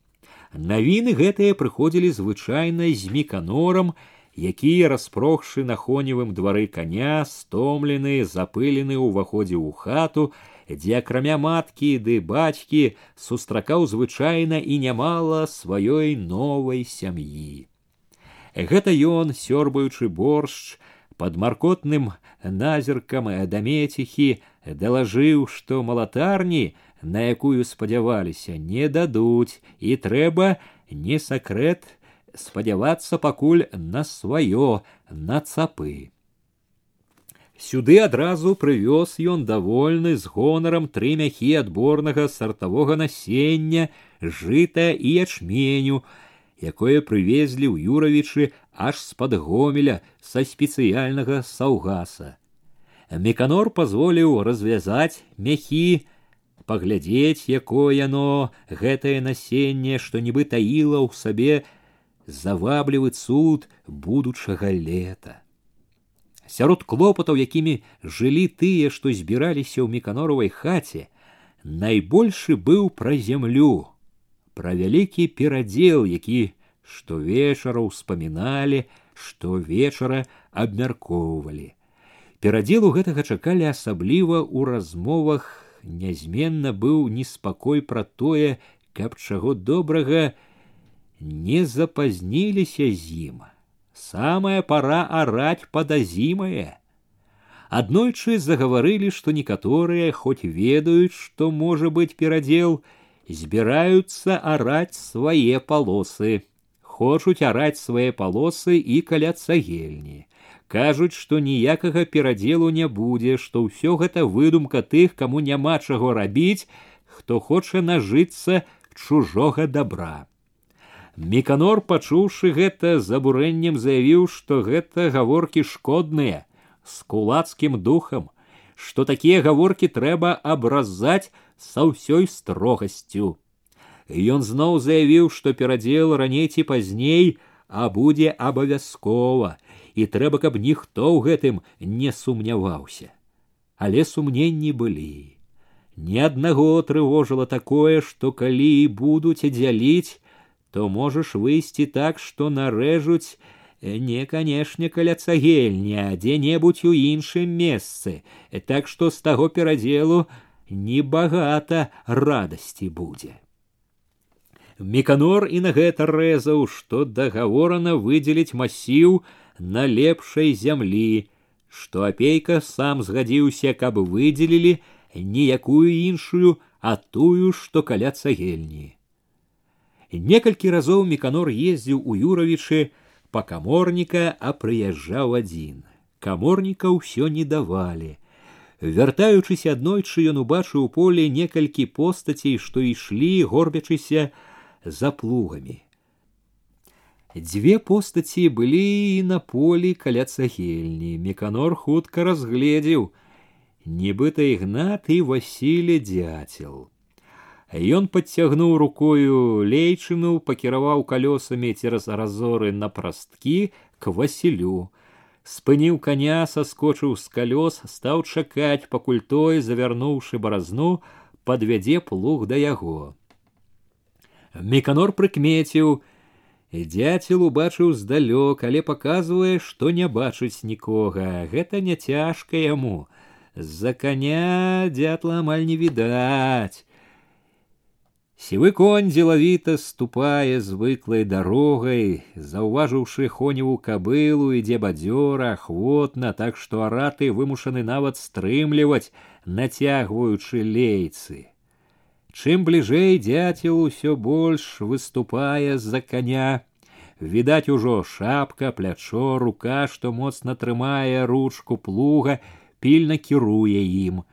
Твару не відаць, ён схілены, яго амаль закрывае старая выгаралая шапка. Уся постаць паказвае адно, што дзяцел заклапочаны справай, сочыць толькі за баразной у зрэбнай расхрыстанай сарочцы зрэбных зарудзелых ад зямлі штанах у лапцях з наліплай вільготнай зямлёй абветраны з рудаватым шэццем на шчаках падышоў прытык не ўздымаючы галавы намерыўся прайсці міма міканор ступіў крок да яго ухапіў за аброць спыніў коня дяцел узняў галаву хмурна нядобра глянуў недовольна чакаў што будзе далей на брывах на няголеных шчаках наліпла пылу пыл поўніў раннія маршчыны каля рота на лбе з-пад шапкі цераз шчаку ішоў засохлы потны пісях ты что это не так запытаў як загадаў меканор а что недовольна не паддаючыся адказаў ён чаго арэш хочу да кару дяцел сказаў так спакойна што меканору пачуўся ў гэтым здзек хочу можа ты яшчэ чаго захочаш сказаў ён як бы загадваючы грозячы ад бяссільнасці Ад таго, што дзяцел не хоча лічыцца з яго правам, брала злосць. Дяцел, як бы паказваючы, што яму ні на што гэтая гаворка тузануў лейцамі, хацеў ісці далей, Міканор стрымаў коня, не выпускаючы аброці, строга сказаў: « Цябе папярэджувалі, это зямля под калгас. Дятел непрыхільна павёў вачыма наперад. Міканор нібы ўбачыў яго позірку. От прыперла чорта не ў час. Гаварылі, прамовіў ён, не тоечы прыкрасці, што трэба бавіцца дурной гаворкай, дадаў спакойна: мало хто што скажа. Цябе папярэджувалі, не сакрэт, ад імя ўлады. Дяцел зноў павёў вачыма, от прыліп. Па-ранейшаму не таіў, што ўся гэта гаворка нудзіць яго. Ты яшчэ не ўся ўлада. У тым, як Васіль гаварыў, была непрыступная ўпэўненасць, якая проста збівала міканора. Не ўсё і табе можно. Яшчэ закон. Да кот закон такі, лепшую зямлю калгасу. Это твой такі закон, нібы выкрываў, судзіў дзяцел, судзіў спакойна, упэўнена. Які ты выдумаў, чтоб табе выгадно было, чтоб заставить других у калгас твой пайсці. Думаешь, Усё табе позволено? Это разговорчики, не сакрэт з кулацкім духам. Меканор сказаў гэтыя словы з усёй сур'ёзнасцю, якой яны варты былі. За такія разговорчики не сакрэт, можа не паздаровіцца, што ты пужаеш, прамовіў дзяцел, ледзь стрымліваючыся з нецярплівасцю, з упартасцю свайго уже не ары, сваім уже не распараджайся. У ім расло раздражненне. Ты даў мне яе. Ты даў ету землю, што распараджаешся. Прырэзаў паўдзесяціны, дак я магу аддаць. Возьми сабе етае сваё добро, пясок свой, на які гною не навозішся, зноў стрымаў сябе, як бы скардзячыся некаму са здзеклівай непашанай прамовіў: Кажны прыходзіць, кажны камандуе, каму ахвота, кажны ўласть над табой. Даючы знак, што гаворка скончана, зноў ужо рашуча тузануў лейцамі, Меканор пачуў, што спрачацца далей няма толку, злуючыся на сваю бяссільнасць перад упартасцю гэтага зацятага дзятла пагразіўся. Я папярэджаю цябе, што потым не жалуваўся, што рабіў дарэмно.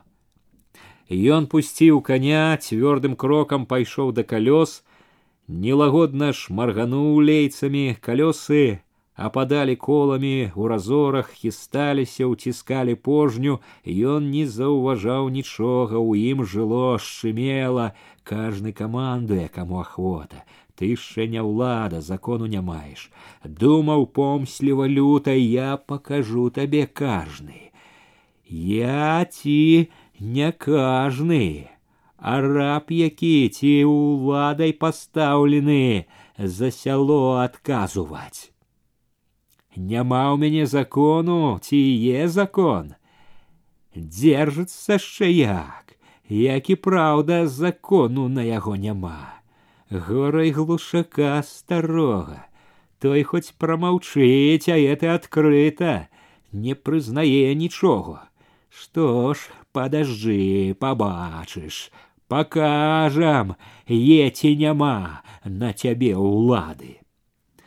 Раніцай яшчэ праз дрымоту пачуў матчынае. Сказала бацьку: Васіль сеять збіраецца. Хутка ўстаў, адзеўся, выйшаў на ганак, на дятлавых двары, запрэжаныя калёсы, на калёсах два мяшкі.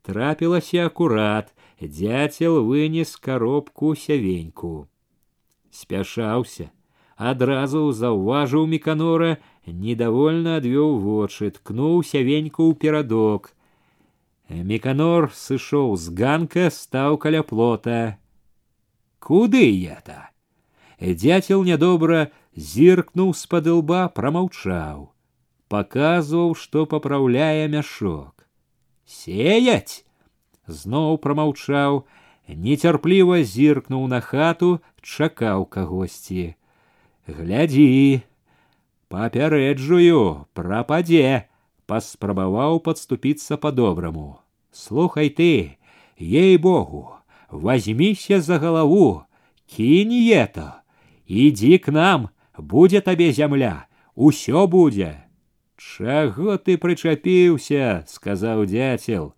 дыхнуць не дае дыхай колькі хочаш и только не сакрэт знай и мы дыхать хочам ясно и это за цябе трудно ўсім Дятел кінуў недовольны позірк на хату і рашуча пайшоў да яе доўга не паяўляўся калі меканор зноў выйшаў на ганак двор быў пусты калёс не было увечар меканор даведаўся дятел пасеяў ну что ж няхай не крыўдзіцца падумаў з пагрозай хочучы помсціць. Вечарамі ў меканоравай хаце часта меркавалі як абжывацца дзе што трэба будаваць. Калі размова пачыналася пра гэта то было прыкметна людзі жвавелі гаварылі гарачэй перабівалі адзін аднаго Амаль заўсёды такая размова пераходзіла ў спрэчку, а гаварыць і спрачацца было пра што, якія прылады і машыны дабівацца, якія ідзе ставіць канюшню, кароўнік, свіран. Чуліся такія думкі, што трэба лазню, канешне, і школу, і яслі для дзяцей. І хоць ведалі ўсе, што ўсё трэба, спрачаліся, што найперш, з чым пачакаць пакуль Раілі як гэта разумна зрабіць з чаго пачынаць куды падацца каб памаглі? Часта выгаворвалі сваё набалелае як пагана без школы без ясляў. Можна было заўважыць што спрачацца пра гэта людзі не прывыклі. Многія асабліва жанкі гаварылі нясмела няёмка як бы прасілі загадзя прабачыць былі такія што слухалі з недавер'ем і раз пораз устаўлялі разважныя не вельмі бадзёрыя рэплікі лёгка казаць усё але большасць хваляваліся і верылі што мяркуюць недарэмна асабліва горача гаварыў міканор яго проста абурала што нехта можа думаць нібы усе ў іх намеры пустая фантазія ён ні на момант не сумняваўся што ўсё будзе зроблена Ён так маляваў, якія будуць курані праз пяць гадоў, што не ў аднаго дух займала.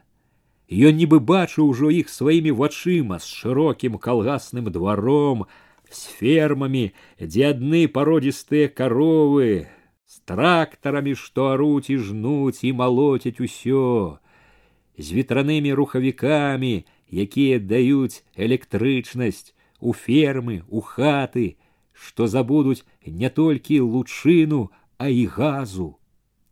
Ён нібы вёў па непазнавальнай куранёўскай вуліцы, на якой не тое, што не грузнуць па калені, а і ног не пэцкаюць, бо ўся яна забрукавана, а паўсплаты пакладзеныя тратуары. І гэта пры тым, што людзі ходзяць не ў лапцях ці босыя, а не сакрэт, як у горадзе ў ботах і чаравіках, хораша было з міканорам у гэтых куранях. І калі хто-небудзь падаваў зноў слова недавер'я дык большасць брала злосць.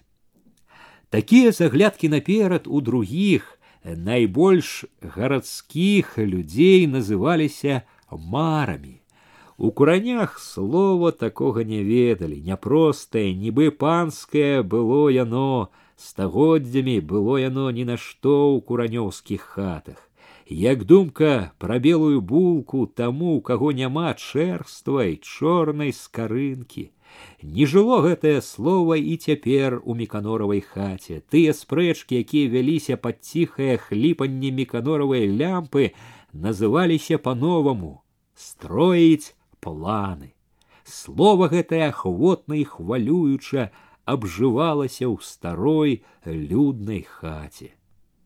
У тыя дні ў куранях зацікавіліся тым, што меканор чагосьці стаў заходзіць на пясчаністы шырокі пляц за сялом.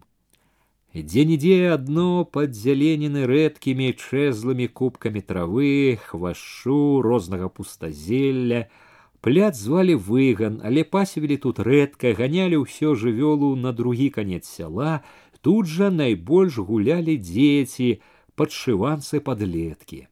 Заўважылі, што меканор ходзіць нейкі заклапочаны, як бы з нейкім намерам, здаровы, няўклюдны ў ботах пашытых хведарам, падыбае па выгане, стане, абглядвае месца, як бы мяркуючы нешта, пачне вымерваць штосьці крокамі выбера на позірк яшчэ месца пяройдзе туды і зноў вымяркоўвае штосьці мерае крокамі і кожны раз калі б не прыйшоў аглядваецца дзелавіта вылічвае мяркуе нешта зацікаўленыя куранёўцы хутка дачуліся чаму міканор так прыглядваецца да выгану дадалі да чутак свае меркаванні пачалі чакаць што будзе далей Чакаць давялося нядоўга. Праз якія некалькі дзён у нядзельную раніцу паявіўся меканор на выгане ўжо з шарадою калгасаўскіх хлопцаў, дзядзькоў, жанок.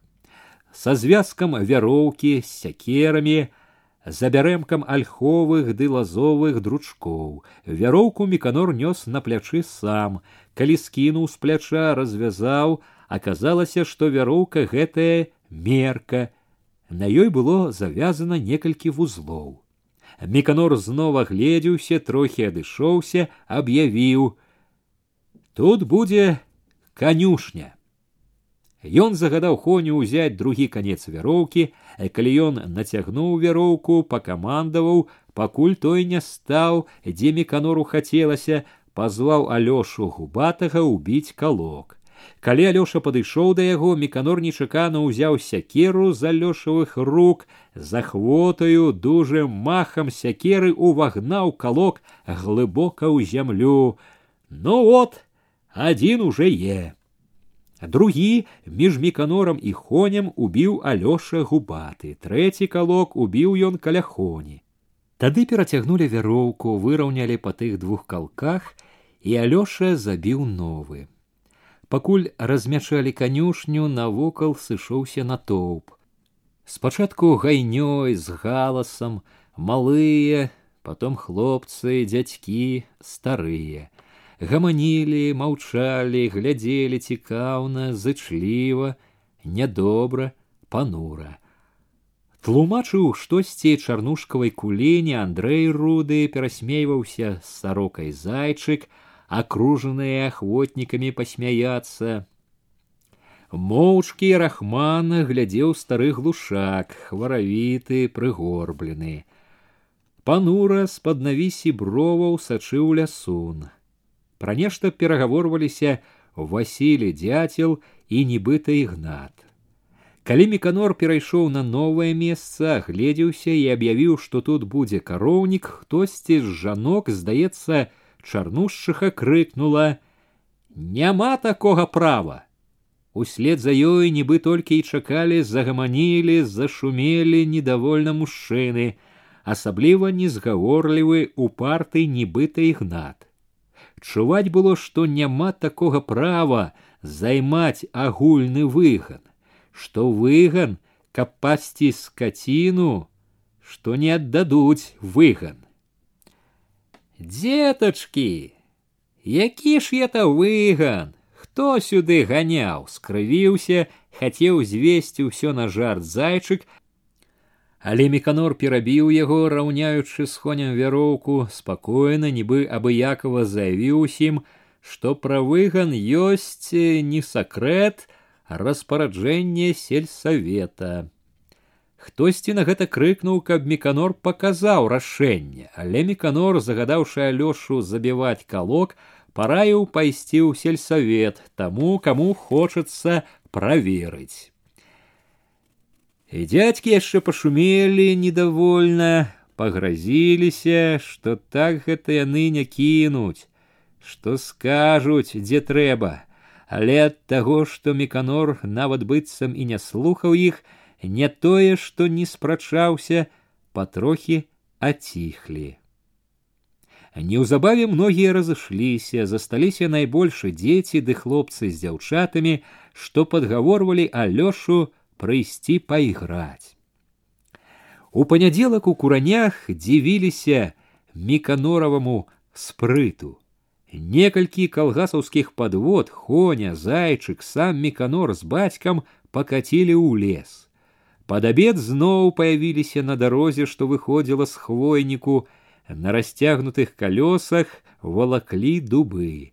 Возчыкі паважна ішлі побач, пылячы пяском, Перад сялом павярнулі падводы на выган услед за конем пасталі, памагаючы адзін аднаму пачалі скідаць дубы. Калі паскідалі цугам ужо седзячы пакацілі ў сяло. Але пасля абеду сышліся на выгане зноў, цяпер і з іншымі калгаснымі з жанкамі. Між іншых кульгаў іх ведар на драўлянай назе былі цяпер без коней, з железнякамі, спілами, з сякерамі. Ну, деточки, помолимся, ке Бог не глядзеў крыву, замітусіўся, хихікаючы, падміргваючы зайчык. Кеп стаяла, не гніло, не гарэло. Кеп скаціна вадзілася, не пераводзілася. Жанкі, асабліва міканорова матка накінуліся на зайчыка. Няма чаго вярсці глупства ўсякае, гневаць за нішто Бога. Зайчык паказаў, што спалохаўся вельмі ж заўзята ухапіўся капаць жалезняком. Усе па адным па два браліся за сваё. Хто як зайчык капаў ямкі пад шулы, хто пілаваў дубы, хто абчэсваў бярвенне, чулася мернае шарганне піл, сакавітае цюканне сякер. Востра ядра набіла ў нос пахам свежага дуба. Хведар кульгавы, адчапіўшы драўляную нагу сядзеў на бервяне, як на кані памахваў сякеркую, так быццам хваліўся спрытам і умельствам.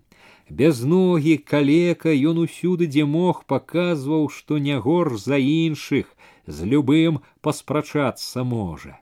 І праўда, дзе-дзе ў спрыце да працы ва ўмельстве хведара мала хто мог перагнаць. І шавец, і пчаляр, і цясляр да ўсяго хведар здатны на дзіва. Недарэмна і тут хведару даручылі ніябы якую справу. Часаць шулы, дзяўбаць пазы па абодва бакі шулаў, шулы аснова сцен, шулы злучаць бярвенні. Завостраныя канцы бярвення ўчэпяцца ў пазы шулаў, бярвенні лягуць адно на адно сцяною, важная рэч шулы хведар гэта ведае і ўсе бачылі што хведар ведае тут і на будоўлі ўсімі больш распараджаўся міканораў бацька які ва ўсім раіўся з грыбком дамецікі грыбок паказвалі якія ямы капаць як глыбока якой даўжыні рабіць шулы дзе абчэсваць а дзе стругаць толькі Меканор сам у расхрыстанной сорочце, без шапки, с налиплыми на лоб потными белыми волосами, уядаўся жалезняком у зямлю, даставаў, кідаў на горку вільготную глину, Ён жа ўдваіх зайчыкам под наглядам дамеціка і грыбка закопваў першае шула под будучую канюшню, заўзята нават люта ўтоптваў ботамі свежую зямлю вакол шула. Будзе стаять, покуль не сагніе, сказаў весела зайчык. Доўга пастаіць, адгукнуўся дамецік. Дуб, дераву, жывучае, жывучае, падтрымаў яго грыбок. Да вечара ўкапалі тры шулы, абтапталі пра іх зямлю, у потімку паклалі нават дзве падваліны. Мужчыны трохі пасядзелі на іх, пакурылі, толькі тут заўважылі, як нарабіліся за дзень, нылі спіны, балелі руки, пальцы непаслухмяна важка скручвалі цыгаркі. Замучыў ты, братка, ўсіх, папракнуў міканора зайчык. Як так будзе, то духу ненадоўго хваціць. Это з непрывычкі. Прывыкнем, а не гадкі будзе, пажартаваў, заступіўся за міканора хведар. Шчэ дзень, а там будзе лягчэй, сказаў міканор. Возьмемся старое, раскідаць. Ён зацягнуўся, возьмем старое, чтоб памагло новаму.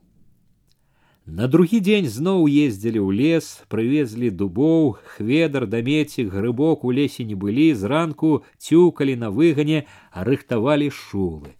Пасля обеду на выгане сышліся ўсе, да потімку ставілі шулы, часалі, Лажылі падваліны, калі курылі, седзячы на падвалінах, Меканор сказаў алёшу і хоню, каб прыйшлі заўтра да яго гумна з сякерамі рабіць лёгкую работу.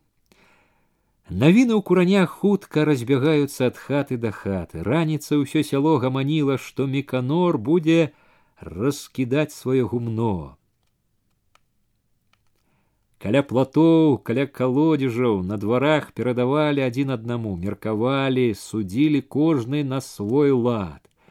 Ні аднаго дзівіла ўражвала, не адумаўся, не баіцца нішчыць сваё сваёй рукой. Ні адзіны нядобра круціў галавою, вызначаў, зусім здурнеў, стараючыся за сваю дурную выдумку. Неабыяк хваляваліся і многія калгасаўскія. Тое, што міканор збіраўся бурыць не чыё-небудзь, а сваё гумно, не давала супакаення. Усе разумелі, што вельмі хутка за гэтым і ім трэба будзе адважвацца на такую страту. Меканоры пачаў сябе, разумелі, пэўна таму, каб паказаць прыклад, як трэба ахвяраваць сваім добром. Як толькі меканор спусціў ногі з палацяў, салодка са сну пацягнуўся, адразу пачуў на сабе пільна трывожны позірк маці. Папраўляючы штосьці ў печы, яна павяла вачыма ў яго бок, толькі момант яшчэ санлівы бачыў меканорые позірк, але і гэтага было даволі, каб зразумець, пра што яна трывожыцца. З той хвіліны ці абуваўся, ці мыўся, меканор ледзь не ўвесь час заўважаў яе насцярожаную ўвагу, чакаў, што яна загаворыць. Яна маўчала, можа ад таго, што не ведала, як пачаць, Меканор знарок не паказваў, што заўважае яе позіркі, што гатовы слухаць. Калі падала снедаць, села насупраць, склала руки на грудях, глядзела, як ён есть, і як раней маўчала ён чакаў зараз загаворыць дык ето сягодня выдохнула нарэшце сягоння меканор знарок не зірнуў на яе спакойна еў аладкі з салам паказваў няма чаго ўжо гаварыць пра гэта не перадумаў думалі уже думалі хвіліну вагалася столькі спрачалася за гэтыя гады ведала як ён слухаецца усё ж не вытрывала папракнула это канешне бурыць толку з яго старога калі раскідаць як яно струхлела ўсё А яна апошнім часам пярэчачы амаль заўсёды гаварыла так быццам клапацілася больш пра меканора, пра яго ж выгаду. Як ставіць ужо то са ўсяго новага, што пастаяла доўга. Падзержыцца яшчэ і этае мамо. Нас з табой перажыве не бойся, падтрымаў меканора бацька, ідучы да стала. Матка устала, дала ему месца, прынесла яшчэ аладак папракнула. Ты б стары помаўчаў, калі уже разумнаго сказаць не можаш, запярэчыла міканору, падзержыцца. Это здаецца толькі. Сагніла ўсё сярэдзіны. І толькі на пагляд дзерава як дзерава, а так гнілое ўсё. Асцярожна, лагодна села побач. Дайце тут не трэба яно калгасу. Ці калгасу уже і гумнаў не трэба. Гаварылі ж уже, сказаў бацька. Ахвота дурэць хлопцу голову попусту. Я разумная яму раю, стрымалася матка. Не, канешне, бурыць усё, што складзена, дай пад'есці хлопцу строга попрасіў бацька яна промаўчала тоячы крыўду на бацьку падышла да печы па-мужчынску рослая зірнула ў сярэдзіну узяла качаргу подгарнула вугаль великаваты амаль бязбровы твары яе няроўна хістка чырвоніла полымя не чапай міканорку попрасіла калі міканор выцер губы далонею устаў за стола лесу багато. Ён распрастаў плечы, добра пад'еў, чуў плячах у нагах ва ўсім целе непатрачаную радасную дужасць. Яго маму і трэба багато, сказаў паблажліва сыта. Новому дереву маму таксама хваціць дела, не бойцеся, усё пусцім у делу і новае і старое раптам загаварыў дзелавіта сур'ёзна нібы тлумачыў мамо нам трэба хутко зрабіць і часу і рук лішніх няма не разгонішся, а тут дерево готовое совсем. Зразу складывать можно, ясно. На прызьбе ўжо гаманілі калгаснікі. Меканор надзеў пінжак, цвёрдай хадою выйшаў на вуліцу. Памеркаваўшы, паслаўшы ўсіх працаваць, ён вярнуўся ў хату, хацеў узяць сякеру, якую паклаў пад лаўку каля дзвярэй. Сякеры не было. Ён здагадаўся, узяў бацька, зноў заўважыў, што матка сочыць, як бы чакае чагосьці, не азірнуўся, выйшаў з хаты. Яшчэ ад хлява убачыў, што каля гумна цэлы натоўп. От жыць стаў, куды не пойдзеш усюды чарада, падумаў, чуючы ахвоту смяяцца. Кеб грошы браць за глядзенне, дык пабагацець можна было б. Ён лёгка дужа пайшоў травяной пажоўклай ужо дарожкай з той ахвотай гарэзнасцю, з якімі выходзіць борацца спрытны, упэўнены ў сабе хлопец перад усімі хлопцамі і дзяўчатамі, усім сялом. Калі заўважыў, што яго ўбачылі, сочаць, пайшоў яшчэ лягчэй.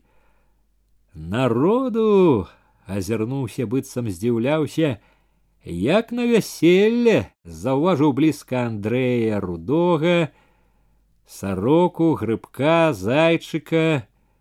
Амаль усе калгаснікі стаялі тут, не пайшлі рабіць. Занудзіліся, мабуць, падтрымаў хоня. Вясёлага даўно не было. Будзе сягодня, шмаргануў носам Алёша. Ну так что ж, калі уже такая ахвота, покажем можа. Меканор павёў вачыма на хоню, на Алёшу, на зайчыка. А можна і паказаць, зарагатаў хоня, мы не ганарлівыя. Меканор вынес з гумна загадзя падрыхтаваную лесвіцу, прыставіў да страхі, на самы рог гумна, праверыў, ці добра стаіць разуўся, аддаў боты бацьку, ступіў нецярпліва на папярэчыну. Хоня і Алёша самі ўзяліся падтрымліваць лесвіцу. З верхняй папярэчыны ухапіўся пальцамі за жмут парослай зялёнымі струпамі. Моху страхі, Учарнелая, патлелая зверху салома крышылася. Ён стараўся ўшыць пальцы глыбей, чапляючыся руками, уцінаючы пальцы ног у салому, намагаючыся не склізвацца, амаль на карачках спрытна пабег у гару.